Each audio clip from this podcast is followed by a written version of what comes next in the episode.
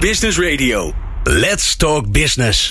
Met nu People Power met Glen van der Burg. People Power is een programma over de kracht van mensen in organisaties. Met interviews en laatste inzichten voor betere prestaties en gelukkige mensen. Deze week gaat Glen van der Burg in gesprek met... Aniek de Lange en Freek Haagsma van ELO zijn op bezoek. De beoordelingscyclus ligt ernstig onder vuur. Dat heb je vast wel ergens uh, gelezen als je je met dit onderwerp bezighoudt. Ja, wat is eigenlijk het alternatief als we daarmee zouden stoppen? Bij ELO doen ze het op een totaal andere manier. Democratisch, in verbinding en zonder dat de manager beslist. Want die is er al een paar jaar niet meer bij ELO. Werkt dat eigenlijk wel? En wat is er lastig? Daar ben ik wel heel benieuwd naar. En waarom werkt het wel? Jeroen Buscher is vandaag onze columnist. En wil je nou de nieuwste afleveringen van People Power via WhatsApp? Sla ons nummer dan op onder je contactpersonen 06 45 66 75 48. Stuur ons een berichtje met je naam en podcast aan. Dan sturen we de nieuwste afleveringen direct zodra ze online staan. En niet te vergeten, en ik kan dat niet vaak genoeg zeggen. Wij vinden het heel leuk om iets van je te horen. Dus heb je nou een idee? Wil je eens een keer iemand horen? Vind je iets stom of vind je iets juist fantastisch? Laat het ons dan weten. Bijvoorbeeld via de WhatsApp. Maar je kan ook mailen naar info@people-power.nl. Fijn dat je luistert naar aflevering 203 alweer van People Power. People Power met Glen van den Burg. Aniek de Lange en Freek Haagsma van Elo in de studio. Wat fijn dat jullie er zijn allebei. Ja. Freek, jij niet voor het eerst. Nee, dat klopt. En voor uh, Aniek wel. Yes. Ja, we gaan het hebben over de beoordelingscyclus. Nou, je kan uh, uh, PW of welk vakblad ook niet openslaan. Wil je niet iets lezen over de performance management cyclus, de beoordelingscyclus, de functioneringsgesprekken. Nou, al die onderwerpen die komen langs. Um, onlangs ook uh, Achmea die zei, nou wij stoppen ermee. We gaan het totaal anders doen. Die, die drie keer per jaar met je manager praten en dan aan het eind horen hoeveel procent salarisverhoging je hebt. Dat doen we niet meer.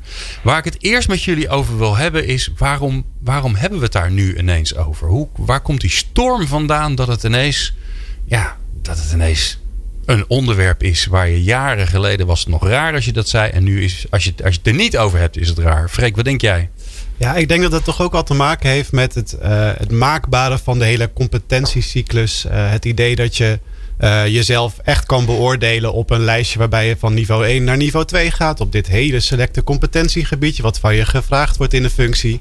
Dat we daar tegenwoordig ook niet meer zo mee werken. Dus dat werk fluider wordt. Uh, samenwerken wordt meer fluide. Dus ook de manier waarop je naar elkaar kijkt en hoe je beoordeeld wordt, wordt volgens mij gewoon steeds meer fluide en iets wat je samen moet doen. Ja, ik heb ook nog nooit een manager horen zeggen. Hè, jullie hebben ze al niet meer, maar die, die zei: Oh, het is het einde van het jaar. Ik mag weer een beoordelingsgesprek gaan. ik heb er zoveel zin in.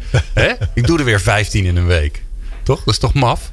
Ja. Uh, Aniek, wat, wat, wat denk jij dat de aanleiding is? Dat het, ja, dat het ineens op de agenda staat om het echt anders te gaan doen?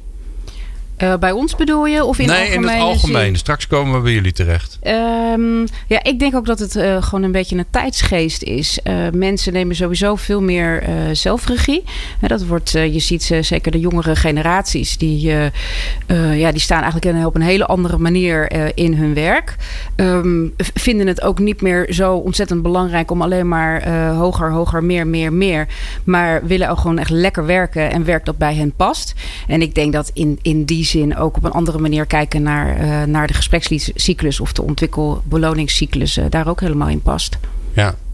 Ja, en, en bij jullie komt het natuurlijk ook ergens vandaan. Hè? Want ik, heb, nou, ik gaf het al aan, jullie doen het totaal anders.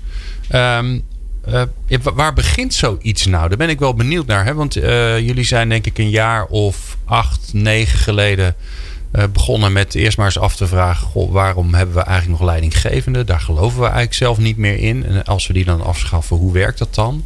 Dus het komt niet uit de lucht vallen dat jullie het anders doen. Ja. Kan je ons meenemen, Aniek? Want jij uh, je werkt lang genoeg bij ELO ja. uh, om, om het historisch perspectief te kunnen zien. ja. ja, ik werk tien jaar bij ELO. En um, ja, het begon denk ik inderdaad een, een jaar of acht geleden. Um, met de overtuiging uh, dat je als organisatie veel krachtiger bent als het initiatief komt vanuit de mensen zelf. Um, niet dat dat van top-down uh, wordt beslist. Um, en om mensen initiatief te laten nemen, moet je hen ook uh, veel meer die verantwoordelijkheid geven.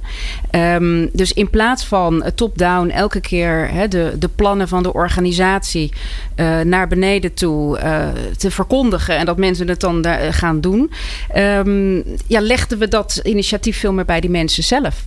En zo word je van een slagschip wat heel log de, probeert te keren, een, een organisatie met allemaal kleine bootjes die veel sneller kunnen inspelen op, op wat er gebeurt. Ja. En dat was de overtuiging en zo zijn we eigenlijk gestart. En nou hoor je natuurlijk vaak, hè, want dit, dit verhaal hoor je gelukkig wat vaker de laatste tijd, dat, dat organisaties, een beetje van, vaak van jullie omvang, hè, tussen de 25 en de 100 mensen, die echt wel zeggen van, nou weet je, we, we willen trouw blijven aan waar we in geloven. Dus uh, we willen het echt anders gaan doen. Je hoort altijd het eindverhaal. Je hoort altijd hoe het, hoe het geworden is. Ja. Maar het interessante is natuurlijk is hoe je er gekomen bent. Want Ja. dat gaat niet zonder slag of stoot. Nee. Denk ik zo.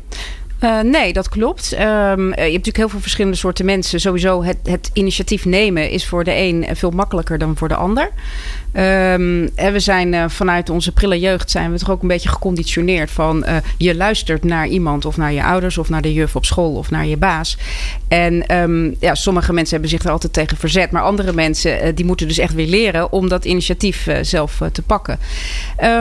Sommige mensen voelen zich daar ook gewoon niet zo fijn bij. Die, die, die, hebben, ja, die uh, hebben meer moeite eigenlijk om dat, uh, om dat, dat initiatief naar zich toe te pakken. En hebben eigenlijk liever dat iemand zegt: Nou, vandaag moet je dit doen. En als ze daarmee klaar ja. zijn, dan is het ook klaar. Ja, het heeft niet alleen maar voordelen.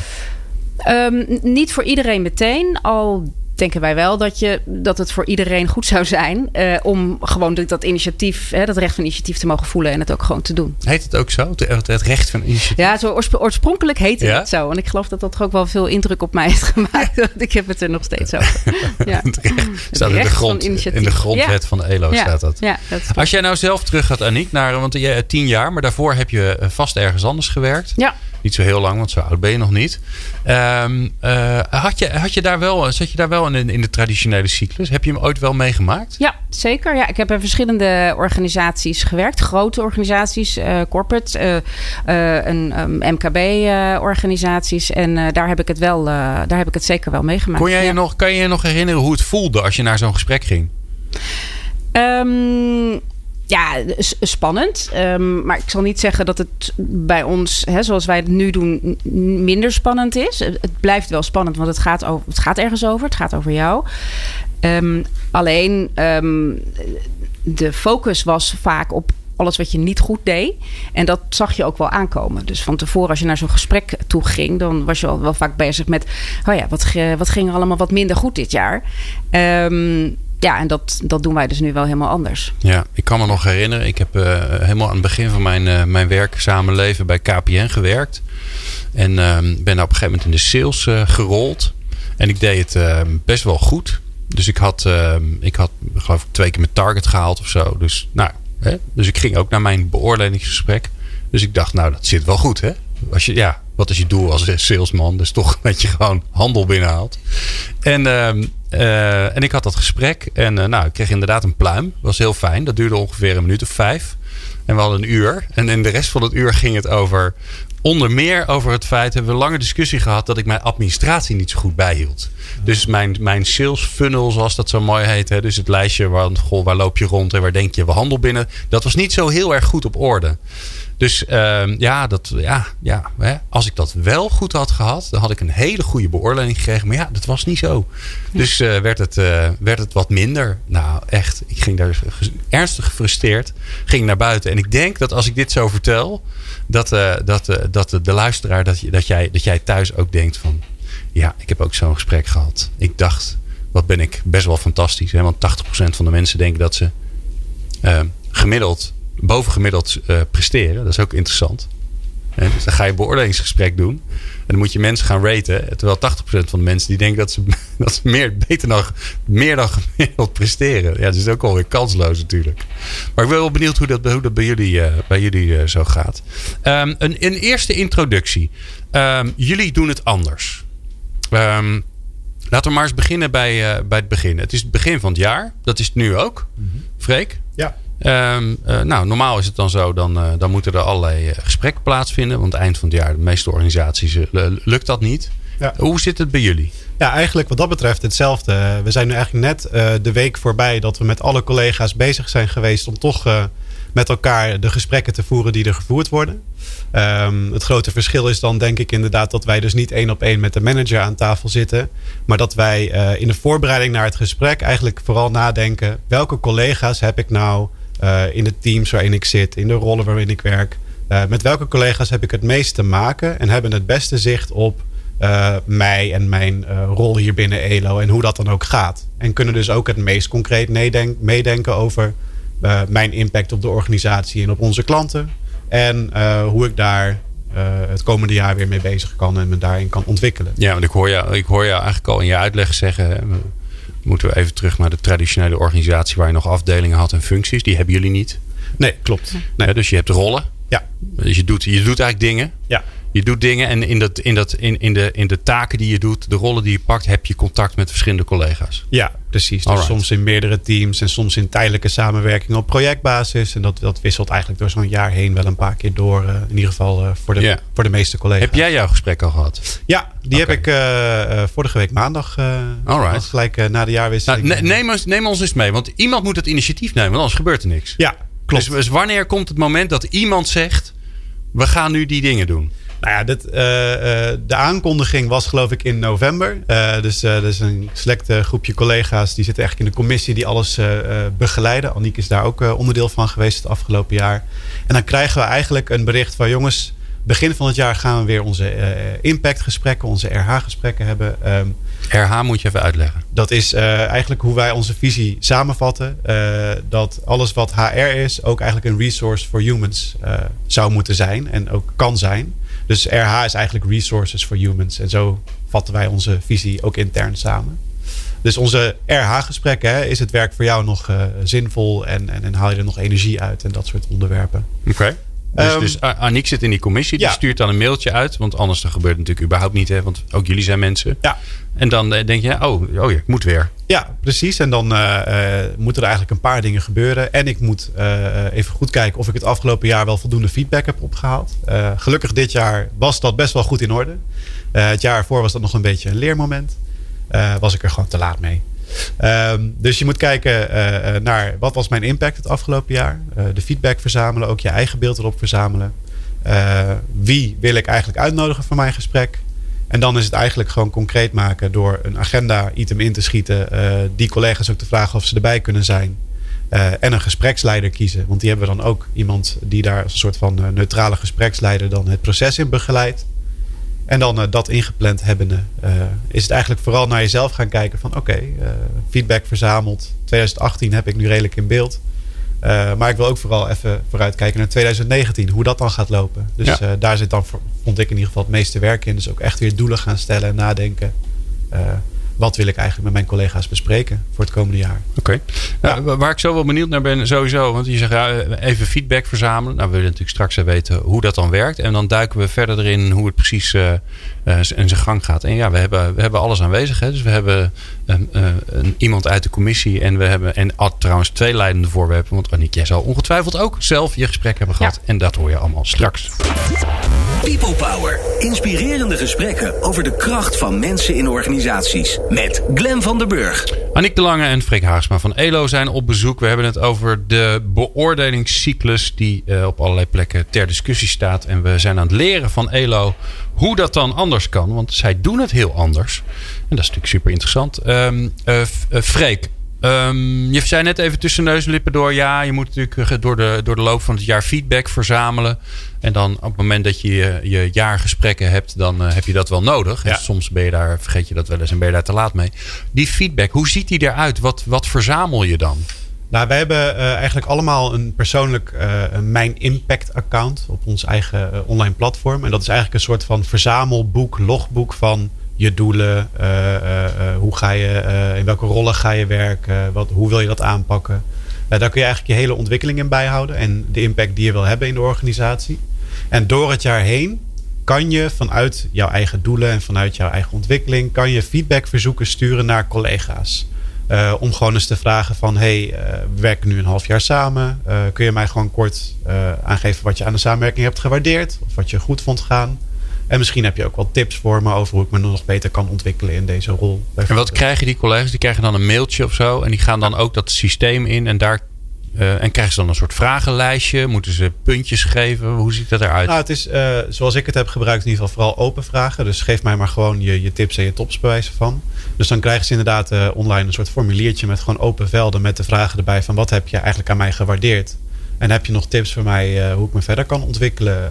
en, en met die open vragen vind ik het het fijnst om de feedback op te halen. Want dan okay. mag een collega zelf ook bepalen wat ze dan belangrijke informatie vinden. Uh, maar het kan ook aan de hand van een, uh, een soort van ja, multiple choice vragenlijst. Gewoon over wat, wat zijn mijn krachten. En kun je dat dan specifiek aangeven. Dus, Oké, okay. wauw. Ja. En hoeveel heb je er dan nodig? Bepaalt iemand dat nog? Nee, dat bepaal je eigenlijk zelf. wat je nuttig vindt. Ik denk ehm, dat het fijn is als je er in ieder geval vanuit verschillende invalshoeken wat verzameld hebt. Hè? Dus vanuit verschillende rollen of vanuit verschillende teams. Ik heb geloof ik zelf vijf uh, ja, vijf feedbackverzoeken verstuurd en die ook uh, teruggekregen van collega's. Oké. Okay. Ja. ja. Aniek, jij, jij zit in, niet alleen in de commissie, uh, maar je bent ook een gespreksleider. Daar gaan we het zo over hebben. Ja, klopt. Hoe werkt dat in die commissie? Wat, wat, wat het klinkt als een soort, soort ja, toch klinkt als bureaucratie, maar dat is het vast niet. Uh, nee, althans zo voelt het niet. Uh, de, de beloningscommissie die bestaat uit uh, drie, drie collega's. En de beloningscommissie die faciliteert eigenlijk dit hele proces. Zoals je net ook al zei, van ja, iemand moet het initiatief gaan nemen om te zeggen: jongens, hè, het is weer bijna tijd, we gaan aan de bak. Of jongens, vergeet niet, hè, zorg dat je feedback vraagt door het jaar heen. De beloningscommissie die, die, die faciliteert dat proces. In de beloningscommissie zitten medewerkers die gekozen zijn door de collega's. Um, nou, dus de, het vertrouwen hebben van de collega's dat ze dat goed doen. En, en die, de beloningscommissie die zorgt uh, dat al het materiaal aanwezig is. Dus dat alle goede de overzichten die je nodig hebt om uh, je eigen pitch te schrijven, om uh, je doelen te stellen, dat dat allemaal aanwezig is. Mm -hmm. En die zorgt ook dat, je, dat de gesprekken ingepland kunnen worden en nou, alles wat er omheen zit. Ja. Oké. Okay. En dan, uh, uh, nou, Freek zijn gesprek komt eraan. Hij heeft er leuke collega's uitgenodigd. Ja. En dan, en dan is er een gespreksleider. Was jij dat toevallig bij Freek? Dat zal vast niet. Uh, nee, nee, ik was het niet bij Freek. Nee, dat is mooi. Nee. hebben ja. we, maar, ze zat er wel bij. Maar ze zat er wel bij. Als collega. als collega. Ja. ja. ja. God, die heeft wel een hoop petten, zeg. nee. uh, wat, wat doe je als gespreksleider? Uh, ja, als gespreksleider uh, ook faciliteer je het gesprek. Je bent er verantwoordelijk dat het een goed gesprek is. Dat het een goed RH-gesprek is. Uh, dus dat alle punten aan bod komen uh, die er aan bod moeten komen in het gesprek. Nou, daar hebben we wel een format voor, een leidraad. Hè. Dus je moet terugkijken op het jaar. we kijken naar hoe zit je überhaupt in je vel. En we kijken naar de toekomst. En um, uh, eventueel, uh, mensen kunnen dus ook aangeven dat zij vinden dat er een groeistap aan de orde is voor hen qua salaris. Nou, ook dat is best een, uh, een, een proces wat heel zorgvuldig aangevlogen moet worden. En als gespreksleider ben je dus verantwoordelijk dat dat allemaal goed gebeurt. Um, en je bent verantwoordelijk dat daarna het, het, er, het verslag er komt, op basis waarvan ook alle collega's inzage hebben in, in jouw gesprek. Oké, alle collega's. Alle collega's. Wie maakt dat verslag? Dat doet de gespreksleider. Oké, okay, dus ja. jij maakt dan een verslag. Ja. En dat komt ergens te staan. En dat kan iedereen in de organisatie lezen. Ja, daar zijn we heel transparant over. Ja, okay. Want als het zo is hè, dat jij uh, in aanmerking komt voor een groeistap. Uh, dan ja, is het ook uh, ja, belangrijk dat de collega's ook kunnen lezen en meelezen ja. waarom jouw groep, jouw RH-groep dat vond. Ja, want wat je vaak hoort is uh, dat uh, die, die collegiale feedback, die zit, er, die zit er op allerlei plaatsen, hebben ze die toch ook wel in die traditionele cyclus gegooid. Maar uiteindelijk, uh, ja, dat, dat is nou eenmaal wat vaak aan die cyclus vastzit, zit er toch ook de beloningscomponent aan. Ja. ja en daar gaat bij bijna alle organisaties de leidinggevende uiteindelijk over. Maar die is er dus bij jullie niet. Hoe, hoe nee. hebben jullie dat opgelost? Ja. Um... Ja, daar, daar, daar zit wel een, een systeem onder. Hè? Dus we hebben, um, wat we hebben ge, gedaan is... Uh, sowieso zijn al onze salarissen transparant. Dus iedereen weet van elkaar uh, wat, voor verdient. salaris die heeft. Ja. Okay. Onze salarishuis is, is opgedeeld in uh, niveaus. In, uh, we noemen dat impactniveaus. Um, en dat geeft, daar zitten ook verantwoordelijkheden aan vast. Dus als jij behoort tot een bepaald impactniveau, dan wordt er ook verwacht dat jij een bepaald gedrag laat zien. Dat jij een bepaalde impact, een bepaalde complexiteit aan kan. Geef eens een voorbeeld van jezelf. Hoe, hoe, heet, hoe heet jouw impactniveau? Waar zit je zelf op? Uh, ik zit op uh, C, uh, impact niveau C. Tuurlijk. Ja, ja. leuke naam ook. Daar had ik ja. nou wel meer van. Daar had ik wel iets raars geks van verwacht. Toch? jij zit op impact niveau C. Impact ja, hartstikke C. leuk. Ja, en, nou dat betekent... Ja, wat, dat, moet je, wat wordt er dan van je verwacht? Nou, dat betekent dat je zelfstandig complexe trajecten kunt draaien. En dat kan natuurlijk zijn op het gebied van projectmanagement. Maar dat kan ook zijn op het gebied van technische implementatie. Of op inhoudelijk gebied. Dus je bent een, een senior je kunt zelfstandig complexe trajecten draaien. Dat is eigenlijk de. Oké. Ja, en hoe ben je daar dan? Wie bepaalt dan uiteindelijk dat je daar komt, zit, bent? Um, nou, dat bepalen we nu dus zelf. Hè? Dus Ja. mensen, mensen uh, uh, zijn uh, aan de slag. Die doen, die doen trajecten door het jaar heen. Die hebben bepaalde impact. Collega's zien dat ook van elkaar. Van zo, dat is een, dat is een belangrijk project. Of dat was echt wel heel pittig. Of daar heeft die persoon dat en dat laten zien. Die heeft daar echt heel veel leiding genomen. Um, ja, zo bepaal je eigenlijk samen van twee dingen. Eigenlijk de impact die je hebt. En de complexiteit van je, van je trajecten. Nou, en dat gaan, wordt vergeleken met van, oh waar, waar zit je dan eigenlijk in de, op welk niveau zit je? Um, dat wordt bekeken in absolute zin. Hoe heb jij je ontwikkeld in het afgelopen jaar? Maar dat wordt ook bekeken in relatieve zin. Hè? Dus jouw uh, collega's die ongeveer hetzelfde werk doen. Um, ja, Ja. zit je ongeveer in lijn met die collega's. Dus stel je voor, hè, ik weet helemaal niet of het zo is, maar stel je voor, Freek zit op, op, op B. Ja. Gaat ervan uit dat B minder is dan C, maar dat hoeft natuurlijk B, helemaal inderdaad, niet zo. dat heb je ja. goed, uh, ja, hè? ja, ja. Dus jij, Freek zit op B en Freek heeft allemaal projecten gedaan. Ja. En, die, en die zou eigenlijk wel naar C willen of kunnen. Ja. Hoe, hoe, hoe stelt hij dat zelf voor? Is er iemand die zegt, joh, Freek man, je bent zo lekker bezig. Hè? Ik gun jij dat? Nou, beide komt voor. Oké. Okay. Ja, Freek kan dus aan, uh, in de opbouw van zijn pitch, hij geeft hij dus aan wat hij allemaal gedaan heeft. Hoe hij gegroeid is. Uh, wat hij het komende jaar wil gaan doen. En dat hij vindt, bijvoorbeeld, hè, ik, wil, uh, ik, ik vind dat ik er aan toe ben om een overgang naar C okay. te maken. Hij, hij be, beargumenteert dat zelf. En de RH-groep um, doet daar ook hun, zegt daar ook, geeft daar ook een mening over. Dat is de groep die hij zelf heeft samengesteld. Ja. Die zegt dan vervolgens van, die gaat daar dan, daar ga je het met, met elkaar over hebben. Ja. Stel je voor dat hij het ermee eens is. Ja. Die zegt, nou, wij, vinden wij zien dat helemaal. Ja. En, en dan? Dat moet onderbouwd zijn natuurlijk. Ja, ja. ja, ja. Nou, dan wordt gezamenlijk vastgesteld of wat het advies wordt richting uh, de beloningscommissie. Ja. He, dus dan is die groep, die inner circle of die, die groep die Freek heeft samengesteld, is het, is het erover eens. En, en nogmaals, dat moet natuurlijk wel uh, beargumenteerd uh, zijn. Mm -hmm. um, en dat advies gaat naar de beloningscommissie. En de beloningscommissie die bekijkt uh, voor alle collega's en alle verslagen hoe mensen zich tot elkaar verhouden. Kijk, die relatieve um, he, beloning, die bekijk je ook binnen dat groepje. Want je bent natuurlijk aan het kijken van, goh, Freek, nou, die zie ik echt wel uh, dit soort trajecten doen. Nou, dan zegt de groep misschien, ja, maar dat doet uh, he, de andere collega zie ik dat ook doen. Dus, um, nou, dus zo wordt er echt ja, ook wel gekeken. Voordat je het weet heb je alleen maar seniors. Ja. Ja, dat is op zich niet erg. Dat is maar, op zich niet erg. Maar wel duurder. Dat is ook veel duurder, ja. Dus um, uiteindelijk zijn natuurlijk wel de, hè, onze uh, aandeelhouders die uh, ja, beslissen welke ruimte er überhaupt is om een stap te zetten. Ja, maar dat is wel interessant, hè? want uh, die bepalen dus hoeveel ruimte er is. Dus die zeggen, ja. nou, we hebben 100. Hè, we hebben 100 uh, beschikbaar, wat 100 dan ook mogen zijn. Ja. Maar de beloningscommissie bepaalt waar die, aan, waar die naartoe gaat. Heb ik hem dan goed? Uh, nou, de beloningscommissie die adviseert uh, company breed. Ja. Dus van nou, we hebben hier alle collega's en we denken die collega's zijn hard gegroeid. Die zouden er, als er ruimte is, wel wat bij mogen krijgen. Deze collega's hebben het gewoon prima uh, gedaan. en die ja, hoeven er niet per se een, een salaris bij. Ja. Nee, het wordt ook wel gewoon van je verwacht dat je je werk goed doet. Ja. Ja, dat vergeten we nog wel eens. Hè? ja. dat dat eigenlijk best wel normaal is. Ja, ja precies. Ja. Dus hè, normaal gefunctioneerd. Nou, top. Dat verwachten we ook van je. Hey, en dat, um, uh, ik kan me voorstellen dat het nogal complex klinkt. Voor als je er hier nog nooit van hebt gehoord. Is het nou heel veel werk of valt het eigenlijk wel mee? Ja, het valt eigenlijk wel mee, want uh, in ieder, uh, iedereen is ermee bezig. Dus je bent, uh, met name ben je zelf natuurlijk je werk, hè, je werk aan het doen om je pitch te schrijven, om terug te kijken op het jaar. Um, ja, dat is iets wat denk ik voor iedereen sowieso één keer per jaar wel heel goed is om te doen. Dus even kijken, wat heb ik nou eigenlijk gedaan? En wat had ik me voorgenomen aan het begin van het jaar? En heb ik dat eigenlijk waargemaakt? Zo nee, waarom, waarom niet eigenlijk? Ja. En zo ja, nou wat fijn. Hoe kan ik dan weer verder groeien? Dus wat dat betreft is het ja, geen overbodige luxe als je dat één keer per jaar doet, denk ik.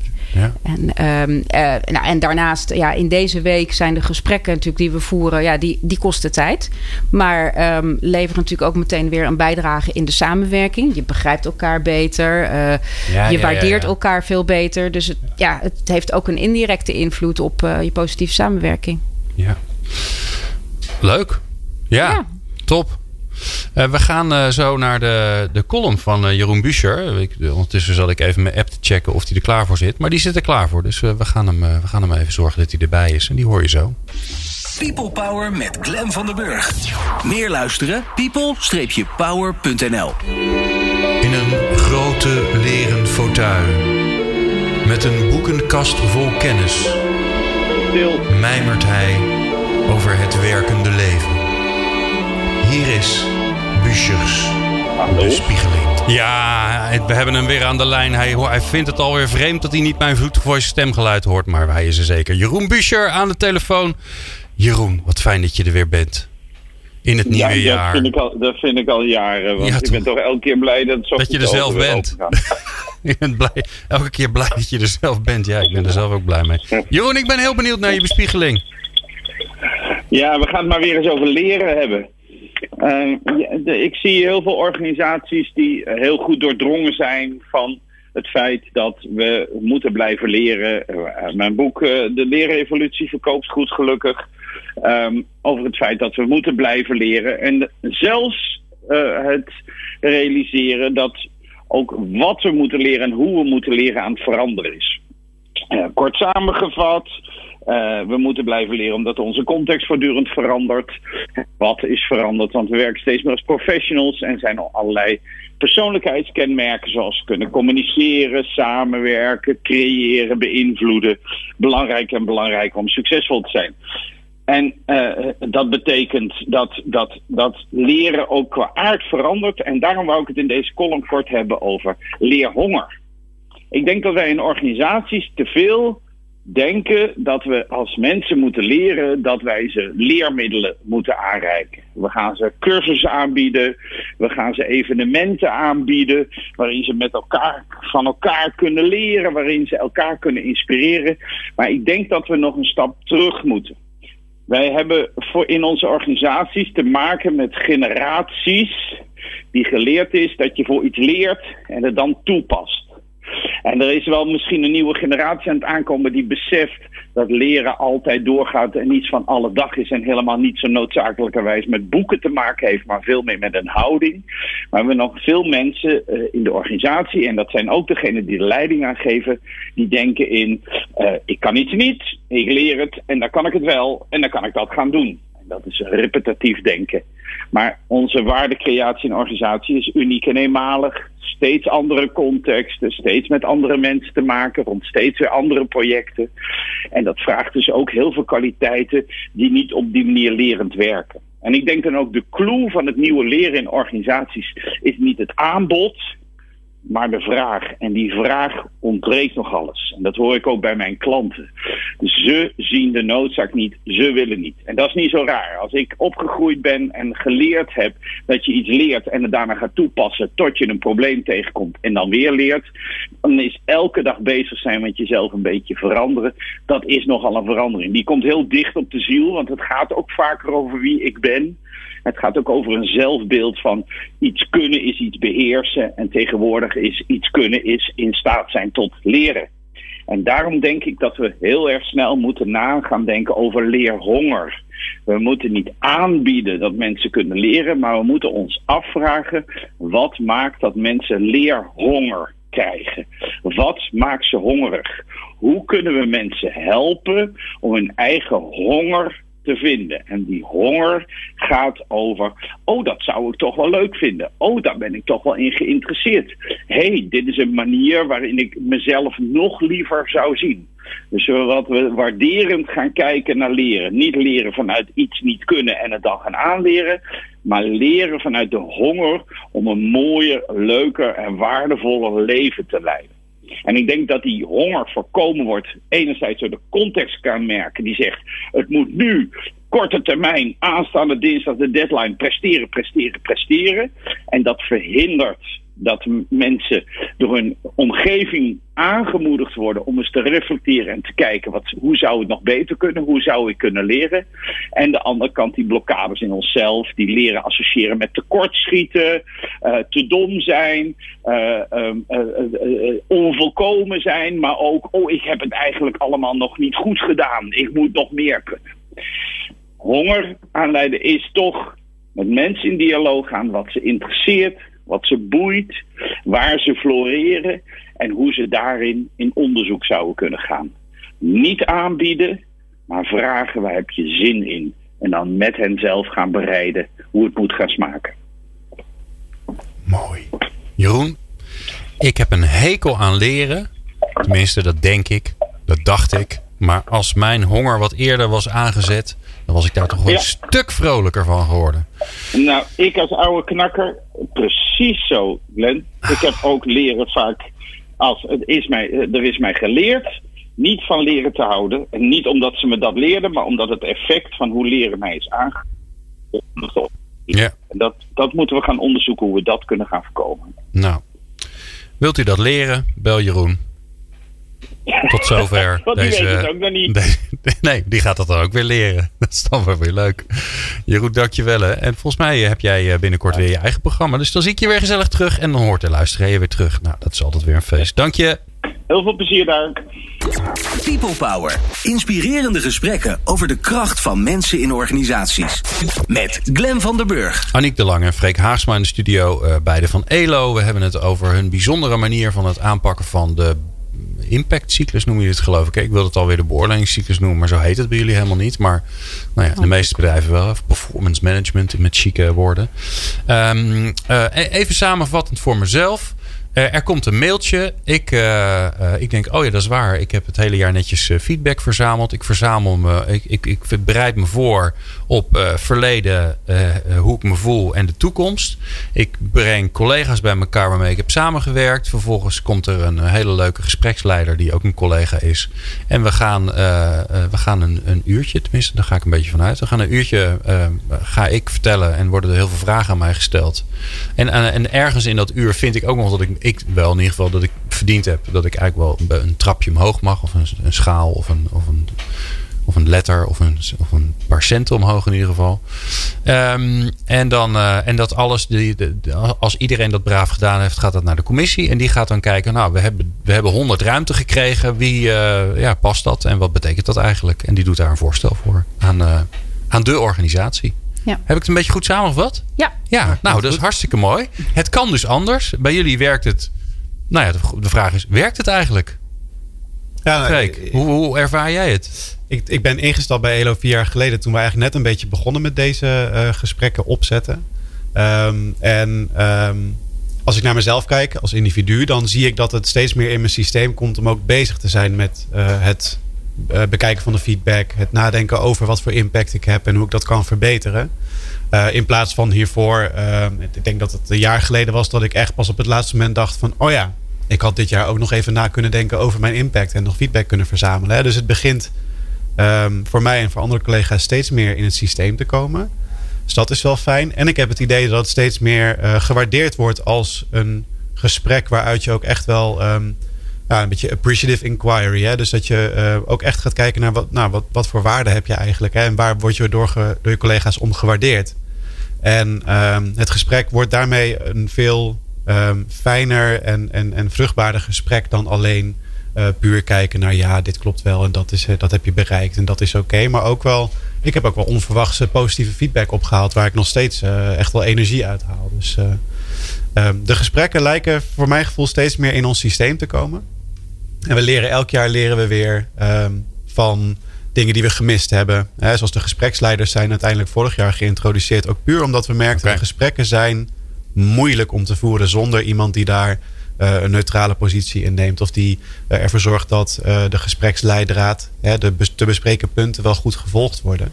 En zo leer je eigenlijk elk jaar weer ehm, waar het nog niet helemaal werkt. En waar je eventueel met, met ja, nog nieuwe dingen voor moet plaatsen, bedenken. Ja. Ja.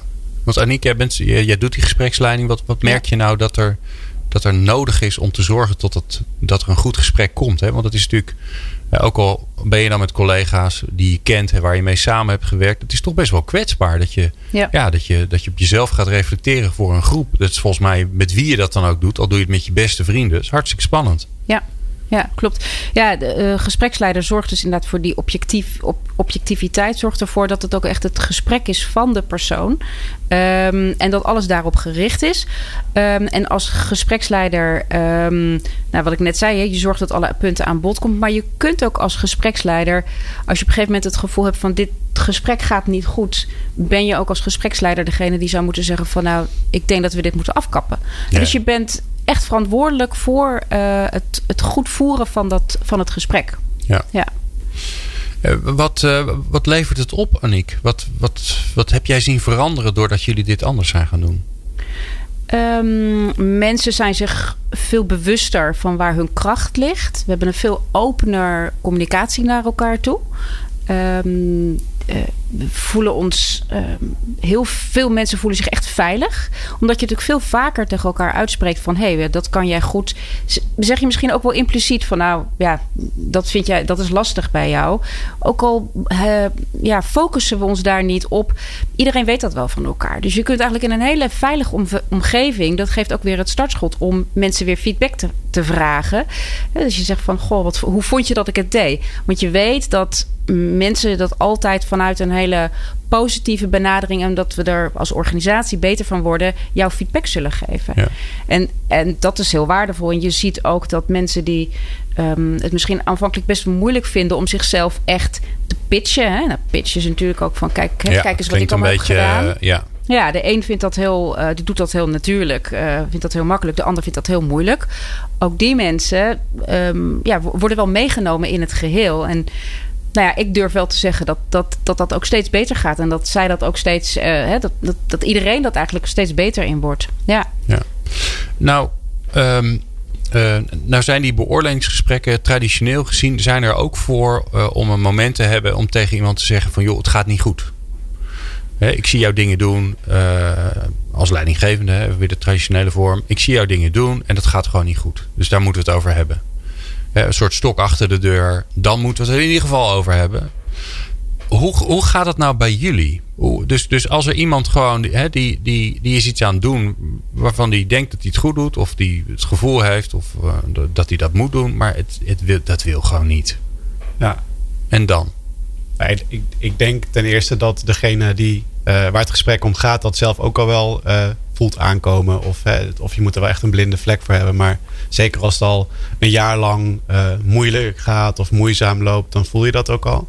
Ehm, voor mij bijvoorbeeld was vorig jaar was er ook wel echt een thema aan de orde van zwemmen, de weg niet vinden, weet je wel. En ehm, dat voelde ik al aankomen. Dus dat, dat, ik dacht dat daar gaat het in mijn gesprek straks wel over. En dat zag ik in mijn feedback ook terug. Eh, dan komt dat wel op tafel tijdens zo'n gesprek. En dan is het dus inderdaad ook wel ehm, soms spannend, gevoelig, kwetsbaar noemde je net al. Dat, dat is het ook. Ehm, maar dan zit je wel met mensen met wie je ook die kwetsbaarheid in het dagelijks werk eigenlijk al deelt. Hè? Want daarmee doe je die samenwerking waarbij het wat stroever ging. Of daarmee heb je dat project gedraaid waarbij je meer een rol had kunnen pakken. Dus het is ook wel, eh, het voelt voor mij ook wel als een soort van ehm, afsluiten van een, een, een, een moeilijke, eh, eh, moeilijke rol, een moeilijke periode qua werk. Eh, en dan ook met elkaar kijken van oké, maar hoe kunnen we nou ervoor zorgen dat dat komend jaar beter gaat? Hè? Hoe, wat, wat wil je zelf anders gaan doen? Hebben wij ideeën voor jou hoe je dat anders kan doen? En, en, en zo kun je ook weer een soort van stip op de horizon zetten, doelen bepalen aan de hand waarvan iemand zich ook weer naar een rol toe kan eh, bewegen waarin hij zich wel beter voelt. Of waarin hij de lessen kan leren die er geleerd moeten worden. Want soms is het ook gewoon nog een gebrek aan ervaring of een Ja. gebrek aan kennis. Ja. Ja, dus dat, het, het, kan heel kwetsbaar zijn. Het kan ook eh, of emotioneel zijn, of het kan gewoon even een, een heftiger moment zijn. Ehm, maar vaak ook wel weer met het doel van: oké, maar hoe hoe kunnen we hier nou weer op vooruit kijken? En is jouw positie nog steeds de juiste positie qua rol? Of moeten we ook gaan kijken hoe je een andere waarde kan toevoegen aan de organisatie? Hè? Ja. Dus Ja. zo komt het ook op tafel te liggen. Ja, het is, het is voor jullie ook een, een, eh, ook, ook een zoek, zoektocht. Hè? Zoals het voor velen een zoektocht is. Jullie, Ja. jullie zijn nu al, al wel wat langer mee bezig dan het gemiddelde bedrijf. Veel langer overigens. Ehm, wat, wat is nog lastig, Aniek? Wat is, waar rammelt het nog een beetje? Denk, ja, daar moeten we nog wat aan doen. Nou, ik weet niet of rammelen, dat is niet het woord wat ik zou willen gebruiken. Maar wat lastig blijft, is altijd de, de overgang van hoe heb je het gedaan. En ehm, eh, kom je in aanmerking voor een eh, groeistap. Ehm, en dat is om heel veel verschillende redenen is dat lastig. Hè? Omdat je ook vergelijkt hebt met anderen. Je hebt, eh, ja, überhaupt is er de ruimte. Ehm, eh, ga je erom vragen? Gaan mensen het je toekennen? Ehm, het is lastig om... eh, niet iedereen heeft eh 100% zicht op wat een ander doet. Niet iedereen heeft om 100% zicht op hoe een ander eh, functioneert. En, en, ehm, ja, en dat, eh, dat krijgen we dan ook wel eens terug hè, in de feedback. Want we doen altijd een enquête eh, achteraf. We gaan altijd aan de groep ook weer feedback hoe zij de beloningscyclus, hoe de, de ronde hebben gevonden. Nou, en dat zie je dan dat dat, dat dan eh, de, eh, de punten zijn die, het, eh, die men het lastigst vindt. Van hoe kan ik nou bepalen of iemand een groeistap? Ja, ik gun het hem wel, maar ik Ja. gun het iedereen wel. Ja. En dus dat is een, dat is een lastige. En ehm, ook wat welke ook lastig is, is op een gegeven moment is er natuurlijk een plaatje van dit willen we gaan doen, dit willen we uitvoeren. En dan vragen we ook weer consent aan de groep. Dus aan de hele bedrijf van dit is het plaatje. Zijn jullie het hiermee eens? Ehm, Oh, dus jullie als beloningscommissie maken een voorstel. En dat gaat Ja. naar de hele groep weer. ja, Bloody hell. ja. Jeetje, wat dapper zeg. Ja, en dat eh, ja, vinden we ook belangrijk. Want het is, het is van de groep. Het moet gedragen worden door de groep. Ja. Maar wat je daar terugkrijgt, is dat ehm, ehm, men- mensen toch soms een soort groepsdruk voelen. En zich niet volledig vrij voelen om, Om te zeggen, ik- om nee ik- te zeggen. ja. of Ik ben het er niet mee Ja. eens. En ja, dat, dat blijven aandachtspunten. Als het, hè, die zou ik persoonlijk heel graag oplossen. Eh, maar dat moet denk ik stapje voor stapje gaan. En misschien elke beloningsronde beter. Ja, Ja. mooi. Nou kan ik me voorstellen dat, er, eh, dat als je hier naar luistert, dat je denkt, jeetje Mina zegt, dat zit totaal anders in elkaar dan nu. En wat democratisch. En dus, ja, l- nogal wie dus. Zij hebben geen managers, wij wel.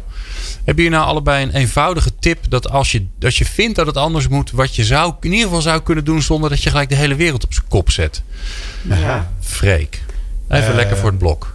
En dan eh, een tip als individu of een tip als or- voor de organisatie? Oh, wat jij wil. Wat ik wil. Ja, Eh, wat, wat- wat- als er iets bij je opkomt, vind ik het al knap van je. Ik denk dat eh, mijn tip dan zou zijn dat als je het even lostrekt van bijvoorbeeld de functioneringscyclus waar je al in zit, de formulieren die daar misschien bij komen kijken of de, de ontwikkelpunten die erbij komen kijken, om dan toch de ruimte te nemen ook gewoon zelf naar jezelf te gaan kijken samen met de collega's met wie je het meest samenwerkt.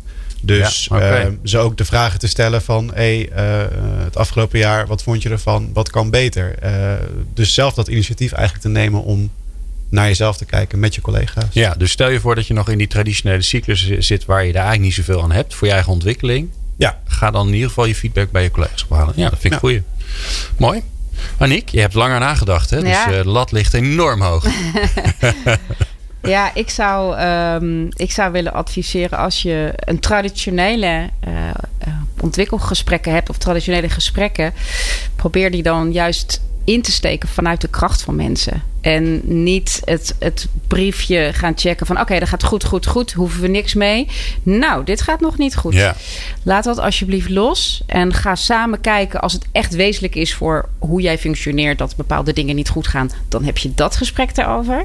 Maar ga vooral kijken waar ligt iemand zijn kracht. En hoe kan je dat meer inzetten. Dat is zoveel, zoveel waardevoller. En mensen krijgen daar zoveel meer energie van. Goeie tip. Dank jullie wel. Aniek de Lange en Freek Haagsma van de ELO. Bijzonder leuk dat jullie hier waren. Eh, wij gaan zo eh, natuurlijk eh, door naar de volgende aflevering van People Power. En daar zijn we heel benieuwd hoe learning and development eruit ziet bij ABN AMRO. Want in de volgende aflevering gaan we in gesprek met Felix Bartolomei. Hij is het People Development bij ABN AMRO. Dus fijn dat je luisterde en fijn als je blijft luisteren. Meepraten of meer programma's? people-power.nl